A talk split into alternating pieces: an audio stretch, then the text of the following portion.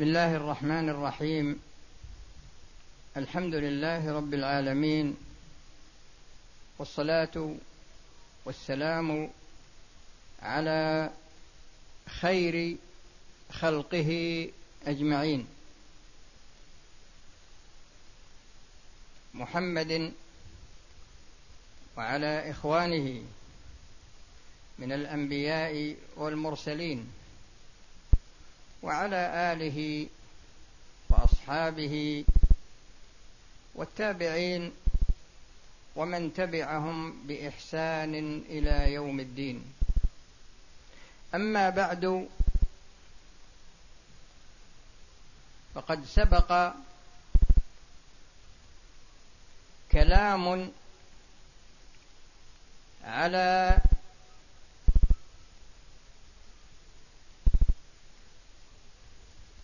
أول وصية الرسول صلى الله عليه وسلم لعبد الله بن عباس.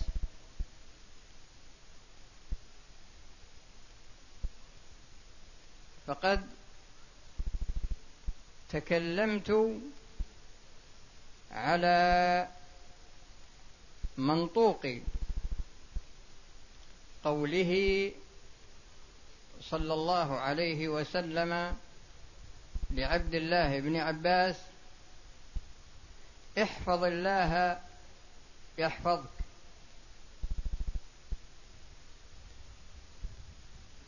وفي هذه الليلة أتكلم لكم على مفهوم قوله صلى الله عليه وسلم احفظ الله. والمقصود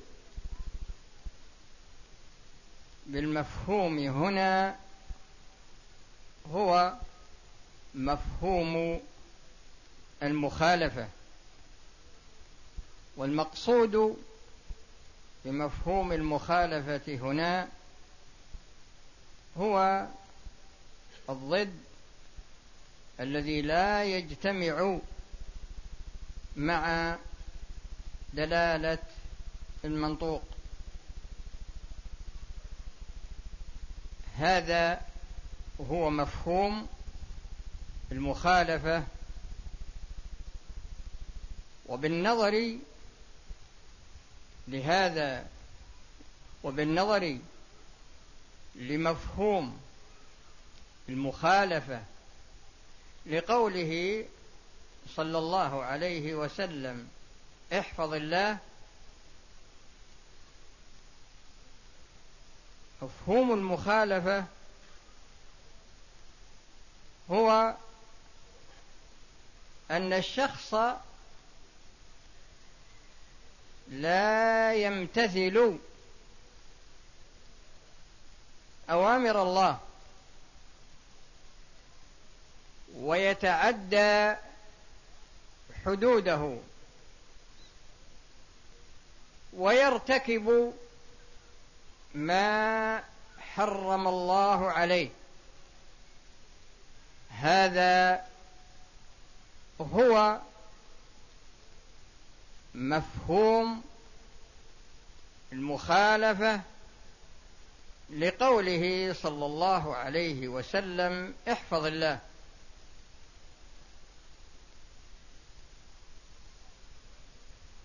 والكلام على هذا المفهوم هو بالنظر إلى حقيقته وبالنظر إلى الأسباب التي تبعث على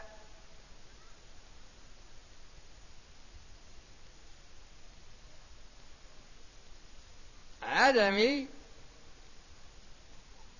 امتثال الشخص بأوامر الله وارتكابه لنواهيه وتعديه لحدوده.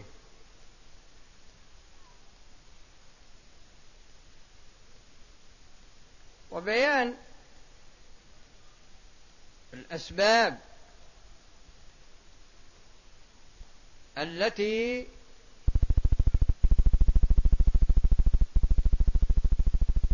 تساعد الشخص على إزالة ما حصل منه من مخالفة. فأما الحقيقة فهي عبارة عن ترك الواجب تركا لا يعذره الله فيه. وفعل المحرم وتعدي الحدود. وإذا نظرنا إلى واقع الناس وجدنا أنهم يكونون بالنسبة إلى تخلف حفظهم لله يكونون على درجات.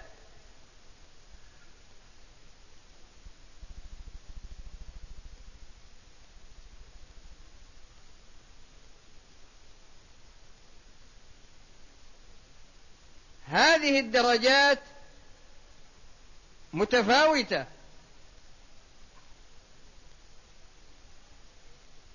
وكل درجة لها حكمها.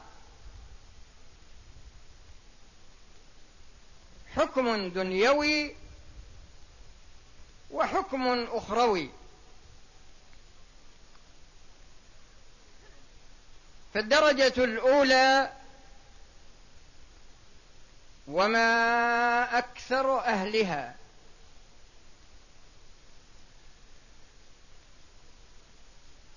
الدرجة الأولى أن يتخلى الشخص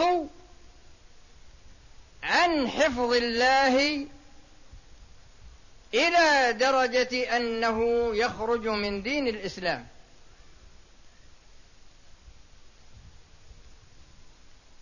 يكون كافر كفر أكبر يكون مشرك شرك أكبر يكون منافقا نفاقا أكبر.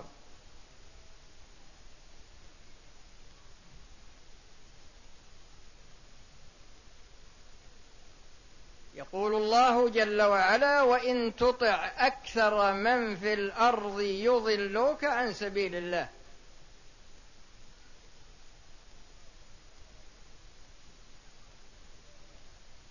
هذا الصنف إذا نظرت إلى الناس عموما تجد كثيرا منهم داخل تحت هذا القسم.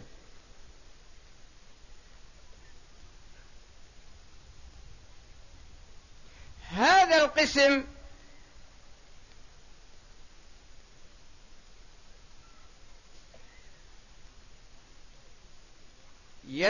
يتصف بصفة تخرجه عن دائرة الإسلام.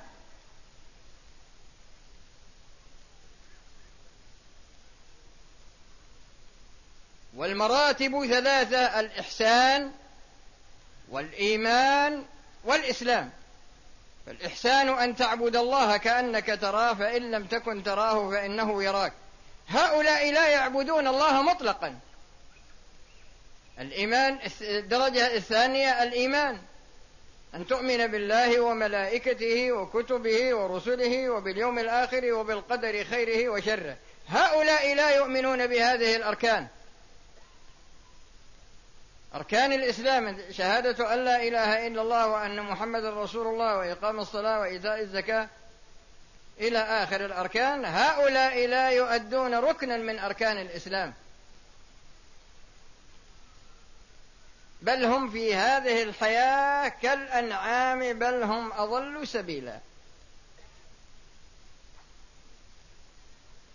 فهؤلاء تخلوا عن حفظهم لأوامر الله ونواهيه وحدوده. إلى درجة أنهم خرجوا من من الإسلام. أو لم يدخلوا في الإسلام أصلا.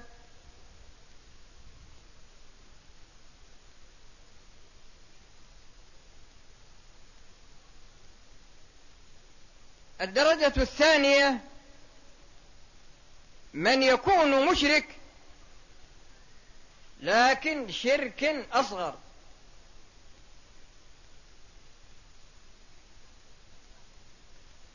الشرك الأصغر هو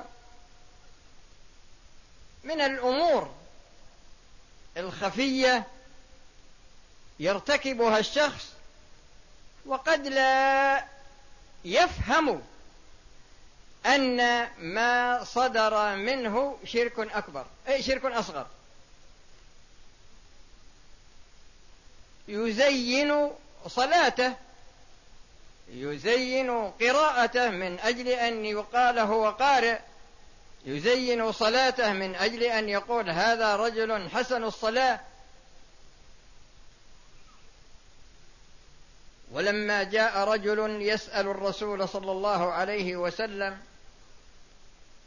عن الجهاد فقال يا رسول الله الرجل يقاتل شجاعة والرجل يقاتل حمية.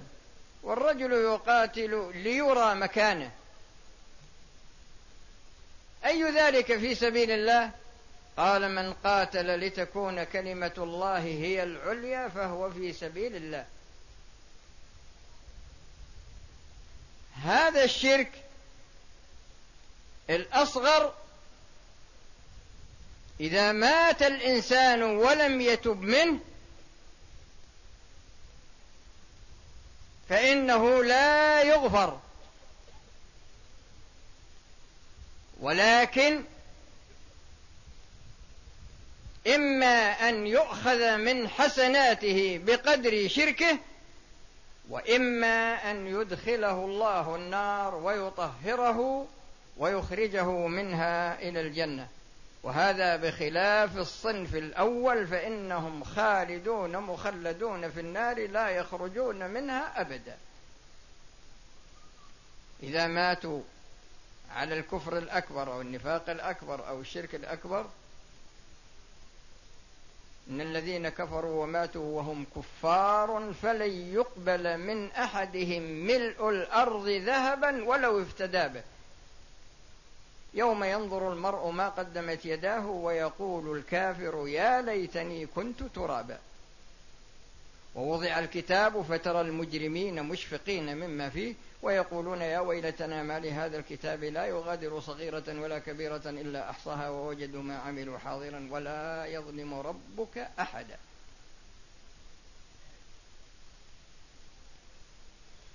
الصنف الثالث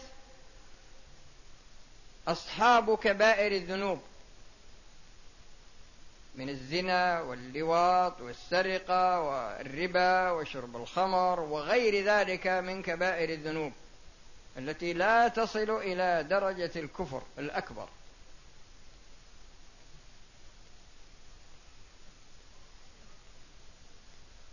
هؤلاء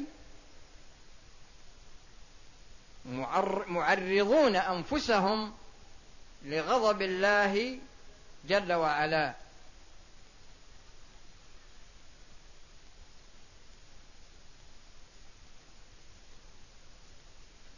الصنف الرابع أصحاب صغائر الذنوب الذين يصرون عليها لا يتوبون منها فيموت وهو مصر على صغيرته.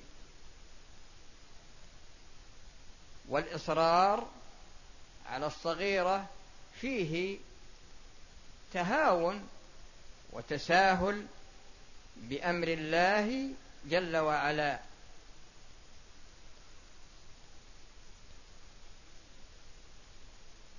وفيه صنف خامس يتبعون الأمور التي فيها اشتباه كما قال صلى الله عليه وسلم الحلال بين والحرام بين وبينهما أمور وبينهما أمور مشتبهات لا يعلمهن كثير من الناس. فمن اتقى الشبهات فقد استبرأ لدينه ففيه صنف من الناس يتبعون المتشابهات بمعنى أنه لا يكون فيهم ورع. يعني الورع منتزع منهم. يقولون هذا له بحرام واضح ولا في بأس أننا مثلا نأخذه. وكثير من المعاملات المالية مثلا داخلة في هذا تشتبه على الإنسان ولكن عندما يأخذ بالاحتياط يتركها يعوضه الله خيرا منها من ترك شيئا لله عوضه الله خيرا منه. هؤلاء يعني خلا أو زال عنهم الورع. وعندما يستمرئون هذه الأمور فقد يكون استمراؤهم وسيلة إلى ارتكاب ما كان حراما واضحا. لأن الحسنة تقول أختي أختي والسيئة تقول أختي أختي. وفيه صنف آخر. هذا الصنف هم الذين يغرقون في الدنيا إلى درجة أنها تضعف قيامهم بأمور دينهم. فهؤلاء انتزع عنهم الزهد المشروع. يقول الرسول صلى الله عليه وسلم ازهد في الدنيا يحبك الله وازهد فيما عند الناس يحبك الناس. ولكل صنف من هذه الأصناف الستة نصيب من تخلف حفظه لأوامر الله ونواهيه وكذلك حدوده. وإذا نظرنا إلى هذه الأصناف الستة وجدنا أن كل صنف منها له نصيب من الناس.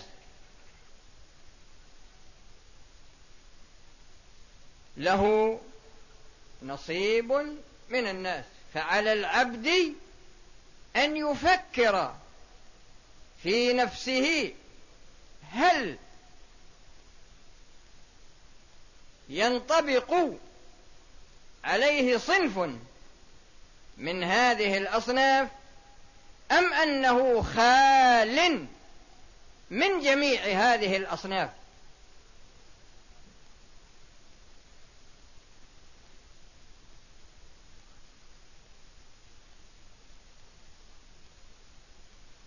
هذه هي حقيقة تخلف الحفظ تخلفا مطلقا أو مطلق تخلف. يعني إما أن يتخلف الحفظ تخلفا مطلقا بالشخص أو أنه يكون عنده مطلق تخلف. والفرق بينهما هو أن التخلف المطلق ينطبق على من خرج عن دائرة الإسلام. هذا هو الذي تخلف عنه الحفظ تخلفا مطلقا لأنه لم يبق له نصيب من دين الإسلام. أما من يحصل عنده مطلق التخلف فهذا لم يخرج عن دائرة الإسلام. وبناء على ذلك فمن تخلف تخلفا مطلقا ينطبق عليه الصنف الأول. ومن تخلف مطلق تخلف تنطبق عليه الأقسام الخمسة وكل واحد منهم له نصيبه. وكل واحد منهم تحصل منه مخالفة جزئية عينية يكون قد تخلف عنه الحفظ في هذه الجزئية. فشخص لا يشهد صلاة الجماعة مع المسلمين وليس له عذر شرعي. هذا تخلف فيه الحفظ بالنظر إلى هذه الجزئية لكنه مطلق تخلف وليس تخلفا مطلقا لأنه لا يخرجه ذلك عن دائرة الإسلام. ولكنه ارتكب كبيرة من كبائر الذنوب. وقس على هذا جميع الواجبات. حينما يتركها الإنسان بدون عذر يعذره الله فيه فإنه قد تخلف عنه. الحفظ مطلق تخلف بالنسبة لهذه الجزئية. وعندما تكثر منه المخالفات يخشى عليه وسيأتي بيان بعد قليل. فعلى العبد أن يفكر في نفسه وأن يتفقدها ليلا ونهارا وأن ينظر إلى ما وجه إليه من الأوامر وما وجه إليه من النواهي وما كان في حقه من الحدود عليه أن يقف عندها لا يتجاوزها. وهو بتجاوزه لها بغير عذر يعذره الله فيه يكون قد تخلف عنه الحفظ بالنظر إلى هذه الجزئية وكلما كثر التخلف عظم تخلف الحفظ. كلما كثر التخلف عظم تخلف حفظ العبد لله جل وعلا. أما الأسباب التي تجعل الإنسان يتخلى عن حفظه لله جل وعلا فإنها خمسة وقد ذكرتها في درس مضى على أنها موانع ومن المعلوم أن من القواعد في الشريعة أن الوصف يكون سببا باعتبار ويكون مانعا باعتبار ويكون شرطا باعتبار آخر. ولكن هذا الوصف بعينه لا يكون شرطا سببا مانعا لأمر واحد وإنما هو وصف واحد لكن يختلف مسماه باختلاف أثره فيكون سببا باعتبار وشرطا باعتبار ويكون مانعا باعتبار آخر. فهذه الأسباب التي أذكرها هنا هي السبب الأول الشيطان. الشيطان عدو للإنسان ويصده عن ذكر الله ويقول الله جل وعلا عنه في القرآن فبعزتك لأغوينهم أجمعين إلا عبادك منهم المخلصين. وقال عنه لأحتنكن ذريته إلا قليلا.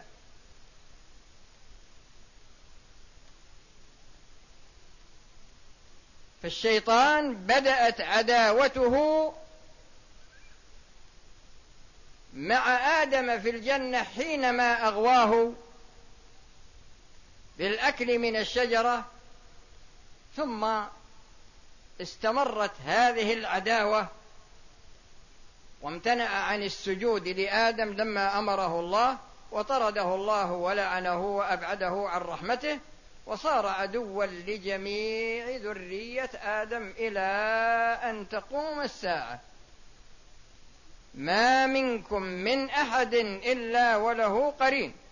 قالوا حتى أنت يا رسول الله قال حتى أنا إلا أن الله أعانني عليه فأسلم.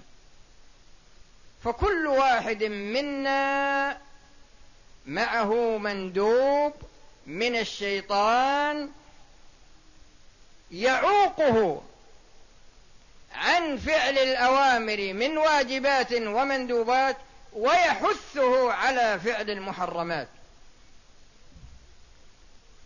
فمنهم من هو مستجيب له ومنهم من هو ممتنع عن الاستجابة له.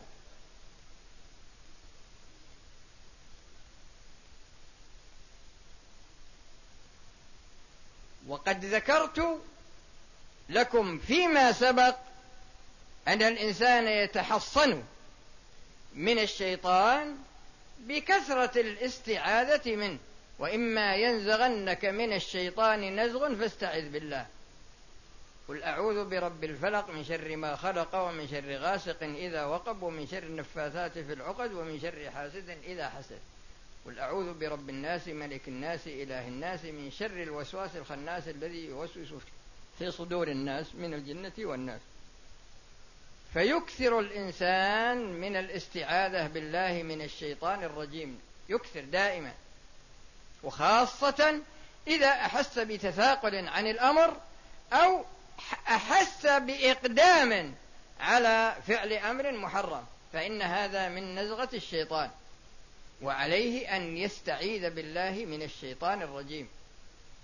هذا هو السبب الأول الذي يحثك على ترك المأمور وعلى تجاوز الحد وعلى فعل المحرم.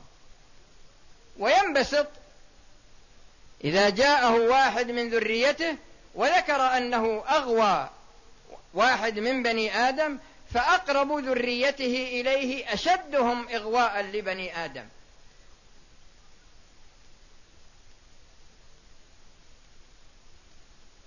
فعلينا أن نتحصن من هذا العدو بهذه الطريقة الشرعية.